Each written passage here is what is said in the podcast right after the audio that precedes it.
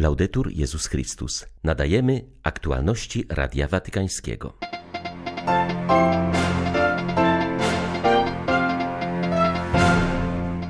Papież Franciszek przekazał 200 tysięcy euro na pomoc dla ofiar trzęsienia ziemi na Haiti. Ukraina obchodzi dziś 30. rocznicę niepodległości. Z tej okazji na zaproszenie władz państwowych z oficjalną wizytą przybył do Kijowa sekretarz stanu Stolicy Apostolskiej kardynał Pietro Parolin. Episkopat Polski zaapelował do władz o gościnność dla uchodźców, którzy szukają schronienia przed skutkami konfliktów i prześladowań. 24 sierpnia witają Państwa ksiądz Krzysztof Ołdakowski i Łukasz Sośniak. Zapraszamy na serwis informacyjny. Za pośrednictwem dykasterii do spraw integralnego rozwoju człowieka papież Franciszek przekazał 200 tysięcy euro na pomoc dla ofiar trzęsienia ziemi na Haiti. Kataklizm zabił tam około 2200 osób, a co najmniej 12 tysięcy zostało rannych. Spowodował także ogromne straty materialne. Suma zostanie rozdzielona we współpracy z nuncjaturą apostolską pomiędzy najbardziej dotknięte trzęsieniem ziemi diecezje. To konkretny wyraz duchowej bliskości i ojcowskiej troski papieża o terytoria zniszczone przez kataklizm, którą wyraził podczas modlitwy Anioł Pański, czytamy w komunikacie watykańskiej dykasterii. Franciszek zdecydował również o przekazaniu 69 tysięcy dolarów dla mieszkańców Bangladeszu dotkniętego niedawno cyklonem oraz 100 tysięcy euro dla Wietnamu, który znajduje się w poważnym kryzysie związanym ze społeczno-ekonomicznymi konsekwencjami pandemii COVID-19. Na początku września w kilku argentyńskich miastach odbędzie się międzyuczelniany kongres Laudato Si. Do uczestników spotkania wideoprzesłanie skierował papież Franciszek. Hasłem kongresu są słowa troska o wspólny dom. Pragnie on odpowiedzieć na wezwanie do ochrony planety obejmujące troskę o zjednoczenie całej rodziny ludzkiej w poszukiwaniu zrównoważonego i integralnego rozwoju. Konferencje, wykłady i zajęcia akademickie będą sprzyjać dialogowi na temat niektórych głównych wątków papieskiej encykliki, takich jak godność osobista, braterstwo i dialog międzykulturowy, środowisko oraz integralny rozwój osób i wizja przyszłości. Mam nadzieję, że ten wysiłek przyczyni się do wzrostu świadomości społecznej i świadomości znaczenia troski o nasz wspólny dom. Encyklika Laudato Si nie jest tylko encykliką zieloną, ale także społeczną.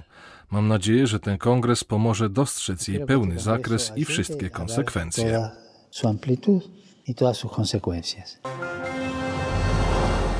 Ukraina obchodzi dziś 30. rocznicę swojej niepodległości. Z tej okazji na zaproszenie władz państwowych z oficjalną wizytą przybył do Kijowa sekretarz stanu Stolicy Apostolskiej kardynał Pietro Parolin. Wizyta sekretarza stanu Stolicy Apostolskiej kardynała Pietro Parolina jest wyrazem troski Ojca Świętego o naród ukraiński. 30. rocznica niepodległości Ukrainy ma znaczenie nie tylko polityczne, ale także religijne. Wraz z upadkiem Związku Radzieckiego i powstaniem niepodległego państwa ukraińskiego nastąpiło odrodzenie struktur obu kościołów katolickich obecnych w tym kraju. Kościoła grecko-katolickiego i Kościoła rzymskokatolickiego. Krótko po zakończeniu II wojny światowej katolicy zostali pozbawieni przez władzę radziecką oficjalnej obecności biskupów. Diecezje rozwiązane, a większość parafii zdelegalizowana. Niepodległość Ukrainy otworzyła nowy rozdział w życiu Kościoła. Zapewniła jego legalne istnienie, tak w życiu religijnym i społecznym. Podkreślili to biskupi Rzymsko-Katolickiej Konferencji Episkopatu, którzy w specjalnej odezwie wyrazili Bogu wdzięczność za niepodległość swojego kraju. Z Ukrainy dla Radia Watykańskiego ksiądz Mariusz Krawiec, Paulista. Rozpoczynająca się paraolimpiada może stać się dla japońskiego społeczeństwa wielką zachętą do życia, uważa ksiądz Andrea Lembo. Misjonarz od 10 lat pracujący w kraju kwitnącej wiśni podkreśla, że liczba samobójstw w Japonii drastycznie wzrosła w czasie pandemii i przekreśliła lata postępów w zwalczaniu wysokiego wskaźnika osób odbierających sobie życie. W ubiegłym roku niemal 21 tysięcy osób w tym kraju popełniło samobójstwo. Oznacza to wzrost o prawie 4% w stosunku do roku poprzedniego i pierwszy taki skok od dekady. Najczęściej próbę samobójczą podejmują kobiety i dzieci. Paraolimpiada jest dla japońskiego społeczeństwa szansą, by dostrzec wartość życia pomimo trudności i cierpienia, uważa ksiądz Andrea Lembo. Japończycy poświęcają wiele uwagi i troski osobom niepełnosprawnym, dlatego paraolimpiada jest tutaj wydarzeniem niezwykle oczekiwanym i budzącym silne emocje. Kraj kwitnącej wiśni chce poprzez te igrzyska zwrócić uwagę świata na osoby, które są mistrzami w pokonywaniu swoich słabości. Nie poddają się, ale podejmują wysiłek zmiany swojego życia na lepsze. Igrzyska są wielką zachętą do życia na 100% do pokonywania swoich ograniczeń. W społeczeństwie, które wymaga od swoich członków doskonałości, paraolimpiada może być wielkim bodźcem do życia dla młodych ludzi.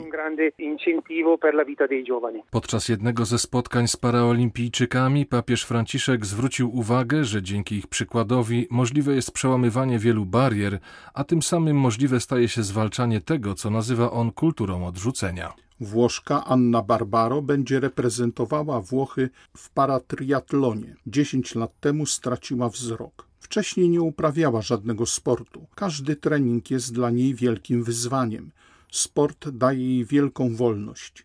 Pozwala poznać siebie i poczuć się silniejszą, gotową do stawiania czoła życiu.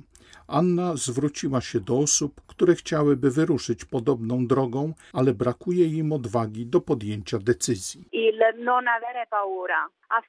Chcę powiedzieć tym ludziom, żeby się nie bali, bo to jest najważniejszy krok pokonanie początkowego ograniczenia.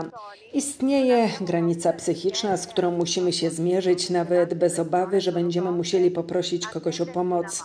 Wielu ludzi jest gotowych wyciągnąć rękę i w ten sposób odkrywamy siebie na nowo, stajemy się silniejsi. Im bardziej się ujawnimy, tym bardziej udaje nam się ukazywać nasz świat i tym mniej boimy się innych. Kiedy to, co nieznane, staje się znajome, przełamywane są bariery, zwłaszcza te mentalne, związane właśnie z brakiem kontaktu. Inny uczestnik paraolimpiady, Francuz pochodzenia tunezyjskiego, Riyad Salem, urodził się bez nóg i z jedną ręką. Uprawia sport na wysokim poziomie od ponad 30 lat, szczególnie pływanie, koszykówkę oraz rugby na wózkach. Uczestniczył prawie we wszystkich paraolimpiadach od 1992 do 2016 roku. W tym roku, w wieku prawie 51 lat, będzie reprezentował Francję w rugby na wózkach. Salem powiedział Radiu Watykańskiemu o odniesieniu sportowych zmagań do konkretu życiowego. Przede wszystkim myślę o byciu mistrzem w codzienności. Bycie sportowcem na wysokim poziomie niekoniecznie jest dane każdemu. Są ludzie, którzy chcą po prostu normalnie żyć. Ale prawdą jest, że z kolei sport na wysokim poziomie, dzięki temu, że stawia w centrum uwagi osiągnięcia osób niepełnosprawnych, może zmienić mentalność. To prawda, że jest to wielki atut, ale większość osób niepełnosprawnych nie czuje się czołowymi sportowcami, a mimo to bardzo dobrze radzi sobie w pracy.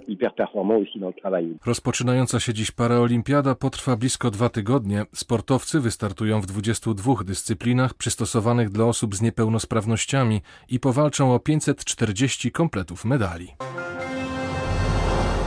Włoski episkopat wezwał przywódców Europy do zaangażowania w budowanie mostów powietrznych i korytarzy humanitarnych, aby ratować Afgańczyków. Czasu jest mało. Przyszłość Afganistanu maluje się w czarnych barwach. Wojna domowa potrwa w tym kraju bardzo długo i przyniesie liczne ofiary, uważa Timothy Keegan, weteran misji w Afganistanie i założyciel fundacji niosącej pomoc humanitarną tamtejszej ludności. Dzięki działaniom Coalition of Hope udało się już ewakuować z Kabulu 30 osób, którym groziła śmierć z rąk talibów. Według szacunków organizacji talibowie mają już co najmniej 500 zakładników, którymi mogą szantażować Amerykanów. Szczególnie zagrożeni są rozproszeni po afgańskich wsiach chrześcijańscy misjonarze, pozostający bez żadnego oficjalnego wsparcia ze strony USA. Afgańscy chrześcijanie uciekają w góry w desperackiej próbie ochrony przed talibami, którzy chodzą od drzwi do drzwi i próbują ich zabić. Bojownicy sprawdzają telefony wszystkich zatrzymanych, szukając dowodów na to, że są oni chrześcijanami. Zdaniem papieskiego stowarzyszenia pomoc Kościołowi w potrzebie chrześcijanom w Afganistanie grozi zagłada. Konieczne są szybkie działania mające na celu uratowanie jak największej liczby zagrożonych osób, mówi arcybiskup Perego, przewodniczący Komisji do Spraw Migracji Episkopatu Włoch. Ta sytuacja wymaga od wszystkich, którzy byli zaangażowani w misję wojskową, aby teraz swoje siły skupili na akcji humanitarnej. Można pomóc przede wszystkim przez tworzenie mostów powietrznych i korytarzy humanitarnych, które zapewnią tym ludziom bezpieczeństwo. Jednym z ważniejszych działań jest dalsze monitorowanie sytuacji i pomoc w przyjmowaniu uchodźców. Kolejną rzeczą będzie stworzenie chronionych korytarzy humanitarnych dla ludzi, którzy chcą opuścić Afganistan, ale nie mogą tego zrobić na własną rękę. Zwracamy się do Europy o zwiększenie liczby przyjmowanych uchodźców. Konieczne jest zaangażowanie w tworzenie korytarzy humanitarnych i otwarcie na przybywających we wszystkich krajach europejskich. Polscy biskupi zaapelowali do władz o gościnność dla uchodźców, którzy szukają schronienia przed skutkami konfliktów i prześladowań. Miejmy odwagę naszą postawą wyrazić zapewnienie o solidarności i gotowości do udzielania pomocy, czytamy w komunikacie polskiego episkopatu. Od kilkunastu dni grupa osób koczuje na polsko-białoruskiej granicy w miejscowości Usnaż Górny zostali tam zatrzymani przez polską Straż Graniczną przy próbie nielegalnego przejścia do naszego kraju. Biskupi zaznaczają, że rządy mają prawo do podjęcia działań przeciwko nielegalnej emigracji, ale mają też obowiązek dostrzec fundamentalne różnice między uchodźcami uciekającymi ze swoich krajów z powodu prześladowań czy wojny, a osobami, które po prostu szukają nielegalnego wejścia do kraju, aby polepszyć swoją sytuację materialną. W rozmowie z Radiem Watykańskim biskup Krzysztof Zadarko, przewodniczący Rady Konferencji Episkopatu Polski do spraw Migracji, Turystyki i Pielgrzymek zapewnia, że polski episkopat jest gotowy udzielić uchodźcom przebywającym na granicy z Białorusią niezbędnej pomocy. Nasze spieszenie z pomocą, co robi już Caritas i w różnych wspólnotach parafialnych, to jest pomoc taka humanitarna, charytatywna, więc to, co jest potrzebne do życia, środki higieniczne, również pomoc medyczna. W projekcie jest pytanie o zarysowanie pewnego planu polityki imigracyjnej państwa polskiego, bo na pierwszym miejscu odpowiedzialność za migrantów, czy tym bardziej uchodźców ponosi państwo, ale jesteśmy gotowi. Caritas deklaruje do tego, aby odpowiedzieć na wyzwanie, jeśli staną na naszej drodze ludzie potrzebujący schronienia, nawet jako migranci, też potrzebujący jakiegoś zauważenia i budowania wspólnej przyszłości. W oczekiwaniu na beatyfikację prymasa Wyszyńskiego. W życiu rodzinnym służą nam rodzice. Oni są przecież po to, aby stali na służbie życia rodzinnego, aby wspierali te kiełkujące latorośle tego życia rodzinnego, domowego. Ale nie tylko rodzice mają służyć dzieciom. Dzieci, widząc trud rodziców, muszą współdziałać z nimi przez posłuszeństwo, przez uległość, przez szacunek, przez współdziałanie. I tutaj więc dla dobra tej wspólnoty rodzinnej potrzeba nie tylko tej ofiarnej służby dzień i noc ojca czy matki, ale też potrzeba i ze strony dzieci, nawet najmniejszych, współdziałania z rodzicami. Tu też jest służba. Były to aktualności Radia Watykańskiego. Laudetur Jezus Chrystus.